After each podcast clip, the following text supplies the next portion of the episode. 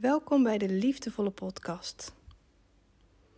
Ken jij dat gevoel dat als jij uh, bijvoorbeeld een rode auto koopt, uh, laten we heel specifiek zijn, een uh, rode Mazda CX5, dat je hem dan vervolgens overal ziet rijden, terwijl je hem daarvoor dus gewoon niet zag rijden? Ik heb dat ook met mensen die ik aantrek, die ik ontmoet. Zo had ik gisteren een hele leuk gesprek met iemand. We raakten aan de praat, we hadden het er een beetje over, wat doen we nou eigenlijk? En toen bleken we allebei een, verlangen te hebben om het schoolsysteem te veranderen. Of in ieder geval om um, persoonlijke ontwikkeling een onderdeel te laten zijn van het schoolsysteem. En hoe we daar nou opkwamen, begon bij mij um, dat ik zei: ja, ik wil heel graag mensen helpen om echt uh, vanuit hunzelf uh, te leven, vanuit hun passie in hun eigen kracht te staan. En toen dacht ik: ja, dat is heel erg mooi, maar eigenlijk zou dat niet eens nodig hoeven zijn. Hoeveel mooier zou het zijn als we helemaal niet dus bij onszelf vandaan raken en altijd al onszelf zijn en altijd al in onze kracht staan. En ik denk dus dat het onderwijs daar een hele grote bijdrage aan kan leveren door dus die persoonlijke ontwikkeling onderdeel te laten zijn. Ik ervaar dat dat op dit moment gewoon nog niet is. Ik ervaar dat uh, gewoon op mijn eigen ervaringen. Ik zie het bij mijn eigen kinderen die nu in het basisonderwijs zitten. En ik zie het ook bij docenten die in het onderwijs zitten of in het onderwijs hebben gezeten. En die wel graag die persoonlijke ontwikkeling uh, in het systeem willen brengen, maar beperkt worden door de kaders waar ze zich aan moeten houden. En dat vind ik echt oprecht zonde. Het huidige schoolsysteem is ingericht op presteren. Of je nou een vis bent, een aap, een olifant, een, een krokodil, we moeten allemaal in die boom klimmen. En dan vervolgens worden we beoordeeld op hoe we in die boom klimmen. Hoe snel we dat doen, hoe efficiënt we dat doen, of we er hulp bij nodig hebben gehad. En we proberen met z'n allen in die boom te blijven klimmen. We passen ons aan, terwijl we eigenlijk heel iets anders willen doen. En dat is natuurlijk metaforisch, want er zullen misschien wel mensen zijn die makkelijk en in die boom klimmen en, en dat ook willen. Maar ik ga even verder op het verhaal dat we met z'n allen in die boom willen klimmen, terwijl dat niet per se past bij wie we zijn. En we blijven dat doen. We komen van het basisonderwijs af, we gaan naar de middelbare school, we gaan naar het vervolgonderwijs en we blijven ons maar aanpassen. En vervolgens krijgen we lichamelijke klachten, burn-out, midlife crisis. We voelen ons oncomfortabel in het leven waarin we zitten. Ja, nogal wie dus, als je dat van het begin af aan gewend bent, dat het zo moet.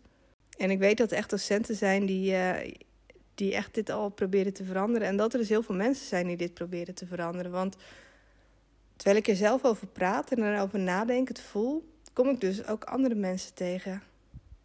Hè, die rode auto. Ik zie ze in één keer overal rijden. Maar ja, ik zie mezelf ook niet als een soort Jeanne d'Arc die het schoolsysteem in één keer gaat veranderen. Het is echt een star systeem en dat gaat niet van de een op de andere dag. Dus wat ik kan doen is in ieder geval mijn verhaal erover delen, mijn verlangen uitspreken. En ik kan mensen helpen om weer bij zichzelf te komen. Want ik geloof er ook wel in dat als wij dat met z'n allen doen, dat er dan weer veel meer verbinding komt. Als jij helemaal jezelf bent en ziet hoe mooi je bent, dan zal je dat ook bij een ander zien. En je zal begrip hebben voor elkaar en, en elkaar respecteren in wie je bent. En kinderen, de nieuwe generatie, die doet wat wij doen. Je leert lopen omdat je dat bij de ouderen ziet. Je leert praten op die manier. Maar je leert ook je gedrag op die manier toe te passen, omdat je het ziet bij anderen. Ga jij dat ook doen? En als we nu met z'n allen heel nobel allemaal goed gaan doen, ja, dan volgt de rest vanzelf.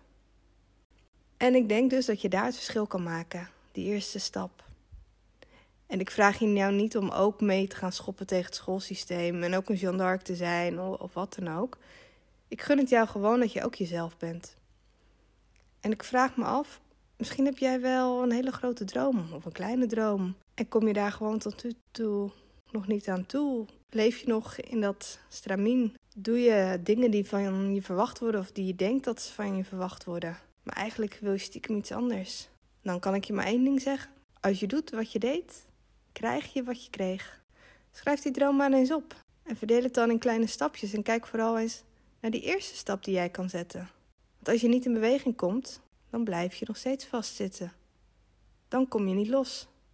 Dus ga die eerste stap zetten, zoals in mijn geval mijn verlangen delen.